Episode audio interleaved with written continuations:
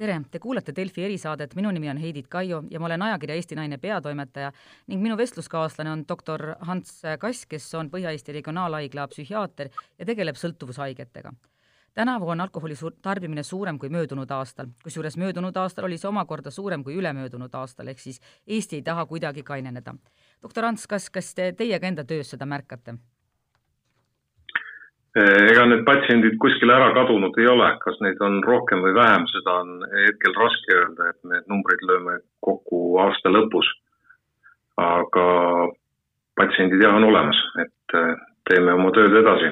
ahah, aga sellist, et te märkaksite, et, et oleks eriliselt rohkem tunglemist eh, ukse taga, et seda, seda nagu konkreetselt ei ole no kui see eriolukord tuli, siis pigem oli alguses vastupidi, et äh, inimesed tulid äh, arvepravile, et kellel ei olnud nii-öelda väga suur häda ja nad said seda edasi lükata, siis äh, nad kohe ei tulnud.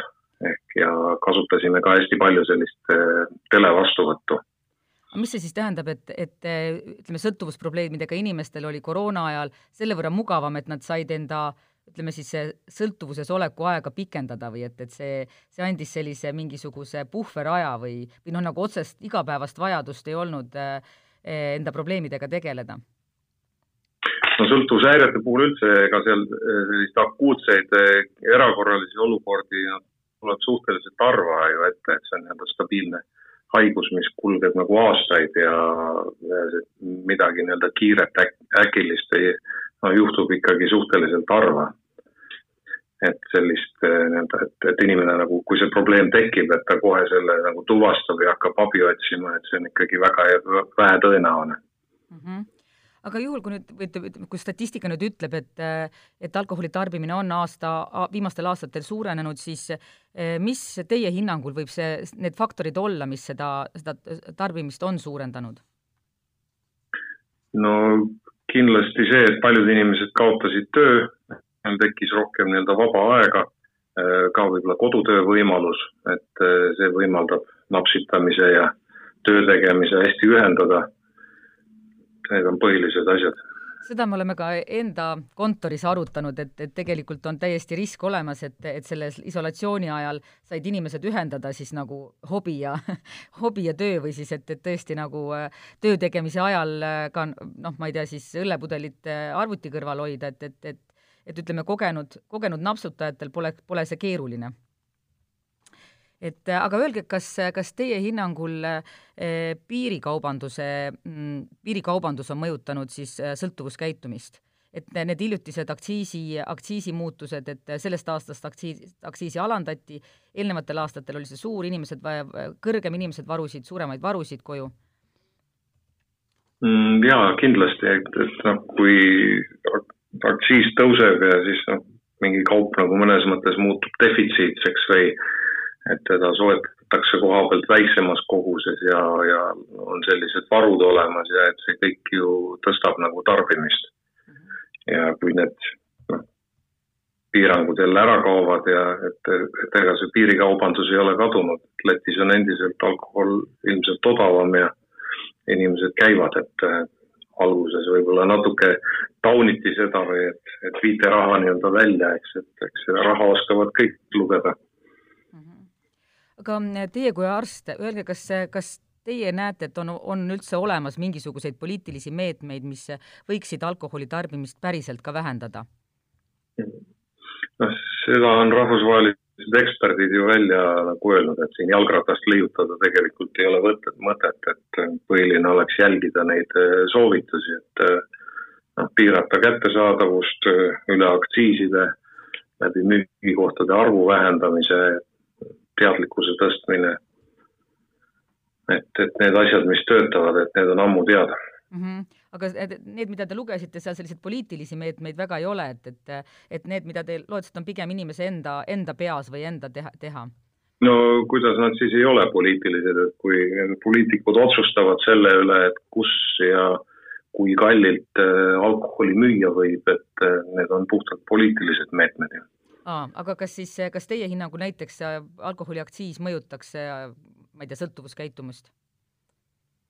No välja kujunenud juhul tõenäoliselt vähe, et need inimesed, kes alkoholi tahavad, et nad ikkagi selle kuidagi nagu leiavad oma kanalid, aga aga noh, võib-olla ka see kõrge aktsiis tegelikult noh, saadab inimestele sõnumi, et ikkagi sellel tarvitamisel on hind ja tegelikult ju noh, kaudselt tarvitajad maksavad läbi selle aktsiisi ka nende inimeste ravi kinni, kellel probleemid on tekkinud no teie tegelete nüüd äh, selliste tõsiste sõltuvusprobleemidega, aga näiteks kui inimene, keegi, kes nüüd tunneb, et, et võib-olla see tõesti selle koroona ajal läks äh, alkoholi tarbimine üle piiri, et, et selline igaõhtune tarvitamine sai tavalise ta,, tavaliseks või ka see, et, et, et lõunast juba ma ei tea, õllepudel avada, siis, siis kui keegi sise, sisimas tunneb, et alkoholi tarbimine on liiga si-, suur, siis kus ta siis, kus ta tegelikult abi saaks, ütleme, et perearsti juurde ei taha minna mingil põhjusel noh, tegelikult peaks nagu perearstiga sellega, sellest ikkagi rääkima, sest eh, noh, see probleem on nii laialt eh, levinud, et sellised eh, spetsialiseeritud üksused, mis on nagu Põhja-Eesti Regionaalhaigla ja et meie suudamegi võib-olla abistada ja peaksime abistama sellistel nii-öelda keerukamatel juhtudel, aga sellise noh, tüsistumata kui see on nii-öelda tekkinud kaasuvaid mingeid psüühikahäireid ei ole ja et selline nõustamine ja see on ikkagi perearsti töö. Eh, aga kui on mitmeid nii-öelda probleeme või, või, või ei ole, noh, soov, tegelikult peaks nagu perearstiga rääkima sellest, sest noh, perearst peab olema sõltuvusprobleemidest ka teadlik, tema väljastab tervisetõendeid ja selline varjamine ei ole iseenesest õige. aga see... neid kohti, kuhu minna, on erinevaid uh, -huh. jah et nojah, et, et ma kujutan ette, et tavaline inimene mõtleb, et mis ma selle perearstiga ikka räägin, mis ta siis mulle ikka ütleb, et ütleb, et joo vähem. ja, ja siis noh, et, seal tundub tõesti, et, et kui see on see, see nõustamine on selline jutu tasandil, siis, siis mida ta ikka öelda saaks või kuidas ta ikka saaks aidata? jah, seal saab alati küsida, miks, eks, ja, ja siis tekib juba diskussioon mm. -hmm aga missuguseid variante veel oleks, et ma olen alati imestanud selle üle, et, et on näiteks olemas äh, äh, anonüümsed AIDSi kabinetid, mis on väga hea, et nad olemas on, aga näiteks äh, ütleme, alkoholi probleemiga on küllalt, mulle näib, et on küllalt keeruline kuhugi anonüümselt pöörduda. et see ikkagi äh,, mulle tundub, et see võib segada nagu selle, selle probleemile abi otsimist. Mm.. no kui kasutatakse äh, ravikindlustussüsteemi raha, et siis on nagu loogiline, et see info peaks ikkagi jagatud olema või kui inimesel on probleem, siis peaksid nagu teiste, teised arstid ka sellest nagu teadma, et seda, see ei saa, tohiks nagu varjatuks jääda. et sellised anonüümsed võimalused on täiesti olemas, et igal inimesel on võimalik äh, kliinilise psühholoogi või psühhoterapeudi juures käia arutamas, et mis need põhjused ikkagi on, miks ta, miks ta tarvitab, et seda saab teha nii-öelda anonüümselt. aga kui on sellised tõsisemad nii-öelda terviseprobleemid ja need on seotud alkoholiga, siis see noh, seos ei tohiks nagu jääda varjatuks. anonüümselt noh, on, on need ravivõimalused on olemas, eks, aga et noh, tegelikult see on, kuna see on noh, niivõrd oluline, et, asi, eks, mis noh, mõjutab ju ka teiste inimeste turvalisust ja et äh, noh, võib-olla selline anonüümselt äh, ravil käimine on ka võib-olla kinnitamine tegelikult endale, et see, see probleem ei ole nii suur või ma nii-öelda suuda, et inimene suudab selle ise ära nagu lahendada, vahel suudab, vahel ei suuda, aga selline anonüümsus, ma arvan, ei ole õige mm. -hmm ja, ja no siit samamoodi tekib küsimus, et näiteks kuidas väikekohtades abi saada, et, et ütleme, Tallinnas tundub see, see lihtsam, aga, aga noh, ütleme väiksemates kohtades on jällegi perearst see ainuke filter, kust, kust saab alustada või kust liikuda, liikuda edasi. no seda küll, aga, siis on võib-olla ka on see nii-öelda arsti probleem või meie nii-öelda suhtumise probleem, et et sõltuvushäired on stigmatiseeritud ja noh, läbi sellise nii-öelda suhtumise äh, kui see nagu avaldub, eks, et siis äh, süvendatakse ju seda tegelikult veelgi, et äh, sõltuvushäired on samasugused psüühikahäired nagu kõik teised, et me ei peaks neid noh, eraldi, kuidagi eraldi tõstma või öelda, ütlema, et need on nagu häbiväärsed, et see on niisugune vale häbi, kõik ei ole sellega muidugi nõus ja noh, see on arusaadav, et väikestes kohtades on keeruline, aga see on täpselt sama palju, on see siis selle arsti probleem, eks, et kes ei suuda nii-öelda patsientidele sellist nagu noh, erapooletut suhtumist võib-olla pakkuda, kui see tõesti on nii, et seal on alati kaks poolt, eks, et selle stigma või häbi saab ju nagu maha võtta tegelikult ja öelda, et tunnustada patsienti ja öelda, et see on väga tubli ja et täitsa normaalne, eks, et, et seda asja saab nagu lahendada mm. -hmm mulle tundub, et noh, tõesti see on nüüd äh, selline tundumisküsimus, et, et et sõltuvusprobleemide puhul üks, ka alkoholisõltuvuse puhul üks keerulisemaid osasid on see, et, et et see tundub nagu väga lihtne, et, et tahtejõuga ära jõu, joo rohkem. et äh, võta ennast kokku ja ära joo. ja samas see äh, noh, inimene ju teab seda, et, et ahah, see on kõik, mida ma tegema pean ja ometi ei suuda seda teha. et, ähm, et mulle näib, et ka sellist teadlikkust on üsnagi vähe, kas on, et, et kas on võimalik ka kuidagi keemilist abi kasutada, mingeid ravimeid või mingisuguseid, ma ei tea, muid vahendeid selleks, et, et, et alkoholi tarbimist vähen-, vähendada? Ravimitel kindlasti on oma koht olemas, jah, et on sellised ravimid, mis vähendavad seda alkoholitungi, et sekkutakse sellistesse mehhanismidesse, mis seda sõltuvushäiret üleval hoiavad, need ravimid on olemas täiesti. aga sama noh, oluline on see oma, oma pool või motivatsiooni pool ja noh, neid asju ei saa nagu lahutada, et paraku selle nagu sõltuvushäire nii-öelda kontseptsiooni sisseviimisel on ka tekkinud olukord, kus noh, vaadeldakse tihti seda, et noh, ongi haigus ja et ei saagi midagi teha, et ravige nüüd. Äh, et see on noh, selline teine äärmus, et niisugune tasakaal tuleb nende asjade vahel leida, et iga sellise ravimravi kõrval peab olema ka selline, need psühhosotsiaalsed sekkumised või et midagi tuleb veel sellele lisaks teha, et ainult ravimile ei saa lootma jääda mm. -hmm. et see on üks selliseid haigusi, kus, kus nagu patsiendi enda tahe on, on väga oluline või olulisem kui mõne või ütleme, et kui inimesel on vähk, siis ta saab aru, et jaa, nüüd ma pean, nüüd ma pean tegutsema, et nüüd, nüüd on minu, minu roll ka siin väga oluline, et, et, et, et, et ma ei saa ainult passiivselt lasta ennast ravida siis sõltuvuse puhul on see noh, samavõrra oluline, et, et inimene ise, ise tunneks seda vajadust, et, et ravi on oluline või et, et ta peab ise sekkuma. Ja kahtlemata, et see on läbivalt kogu, kogu raviprotsessi käigus on see nii-öelda vajalik ja ja noh, seal tulevad nii-öelda tagasilangused ka, et seda tänapäeval vaadeldakse sellise loomuliku osana, ega siis ei tohiks meelt nagu heita ja ikka üritada ja jätkata ja, ja need nii-öelda vahed läheks suuremaks, et siis lõpuks jõuab sinna ka, kuhu soovitakse mm,. ahah. E, Eestis on käimas praegu üks uus programm ka, Tervem, tervem ja kainem Eesti, Tervem kainem Eesti. Et e, mis programm see selline on mm.? et sel programm Tervem ja kainem Eesti on Euroopa Sotsiaalfondi toel e, selle fondi poolt siis rahastatud programm alkoholi tarvitamise häireraviks. ja sellega saavad Äh, liituda siis mitmed nii-öelda keskused, kes äh, suudavad tagada, et äh, oleks selline kompleksne lähenemine ravimeeskonnana sellele häirele. ja, ja neid keskuseid on Eestis mitmeid jah, Tallinnas, Tartus, Pärnus, Viljandis. aga kuidas ähm,, kuidas tavaline inimene selles osaleda saab, et, et, et kuhu ta pöörduma peaks?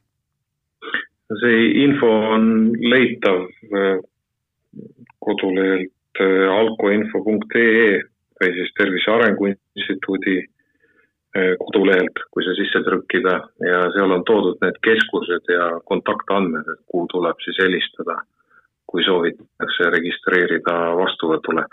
ja algselt enamasti siis äh, võtab vastu õde, kes kaardistab need probleemid ära.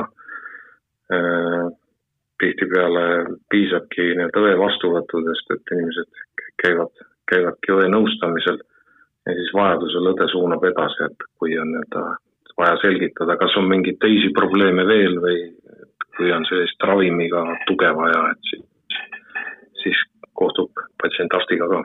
ahah, aga mis selles, mis seal õe vastuvõtul sünnib? et, et noh, kui kujutleda ette, et hästi, keegi kuulab siin seda programmi, et või seda saadet, et jaa, okei okay,, ma tahaks minna, aga mis, milleks ta võiks, millega ta võiks arvestada? Äh, need õdede sekkumised on põhiliselt üles ehitatud äh, selle motivatsiooni tõstmisele ja selgi-, et välja selgitada siis, mis nii-öelda rolli äh, see alkohol inimese elus täidab, kuidas see on mõjutanud tema suhteid lähedastega. et, et selle ümber asi nii-öelda nagu käib, et ja et hoida üleval siis seda inimese motivatsiooni, kui seda veel ei ole, siis seda tekitada, kui see on tekkinud, siis seda hoida, toime tulla nende tagasilangustega, et hoida nii-öelda inimest nagu protsessis, et see noh, ravi on tegelikult ju küllalt nagu pikaajaline, et kui mingeid esimesi nii-öelda tulemusi võib nagu hinnata võib-olla poole aasta pärast, aga ravi ise peaks seal noh, kui on juba tõsisemad probleemid, et siis ta ikkagi kestab ju aasta-kaks vähemalt. Mhm. aga kas selles programmis on, kas selles on võimalik vabalt osaleda, on selles veel kohti nii? ja no piirangud on muidugi selle, et kui palju neid osalejaid on, et need järjekorrad tegelikult seal nii-öelda te tekivad paratamatult, et eh, samal päeval tõenäoliselt vastuvõtule ei saa.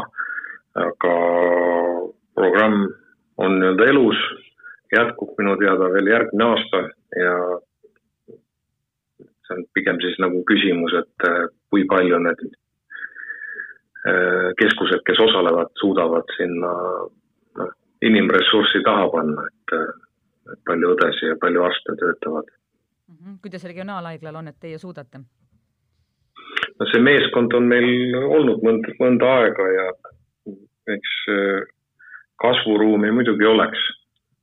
et nõudlus on suurem?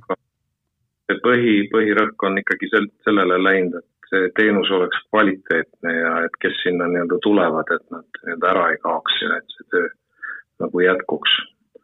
et äh, päris sellist nii-öelda noh, nagu kuidas nüüd, kuidas nüüd öelda, et kui ei ole nagu väga motiveeritud patsient, et siis sellises olukorras, kus äh, ressursse on vähe, et siis, siis noh, üritatakse ikkagi nagu tegeleda rohkem nendega, kellel on rohkem motivatsiooni mm. -hmm nii et äh, hoolimata sellest, et me saame öelda, et, et, et alkoholi tarbimine on Eestis viimasel kahel aastal suurenenud, siis on tegelikult ka näha, et sellisele programmile on, on huvi olemas, et, et inimesed äh, soovivad selles osaleda ja seda küll jah, muidugi.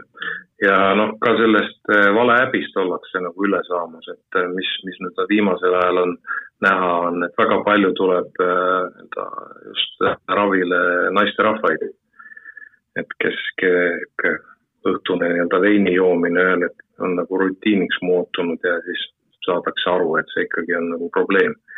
ja võib-olla naistel on see noh, probleem teravam ka veidi, et kui seda räägitakse, et kui ruttu mingi see sõltuvushäire pro-, progresseerub selliselt äh, regulaarselt tarbimiselt äh, mõõduka ja raske sõltuvuseni, siis äh, noh, alkoholi puhul üldiselt meestel see võib aastakümneid aasta võtta aega, aga naistel see millegipärast noh, läheb oluliselt nagu kiiremini, et nagu mõned ainedki võivad seda rasket sõltuvust regulaarsel tarvitamisel oluliselt kiiremini tekitada, näiteks kanepi puhul on nii mm. -hmm. aga selge, suur tänu teile ja te kuulasite Delfi erisaadet, minu nimi on Heidit Kai, olen ajakirja Eesti Naine peatoimetaja ja minu vestluskaaslane oli eh, psühhiaater Ants Kass, kes eh, töötab Põhja-Eesti Regionaalhaiglas ja tegeleb sõltuvushaigetega. ja suur tänu teile! ja palun!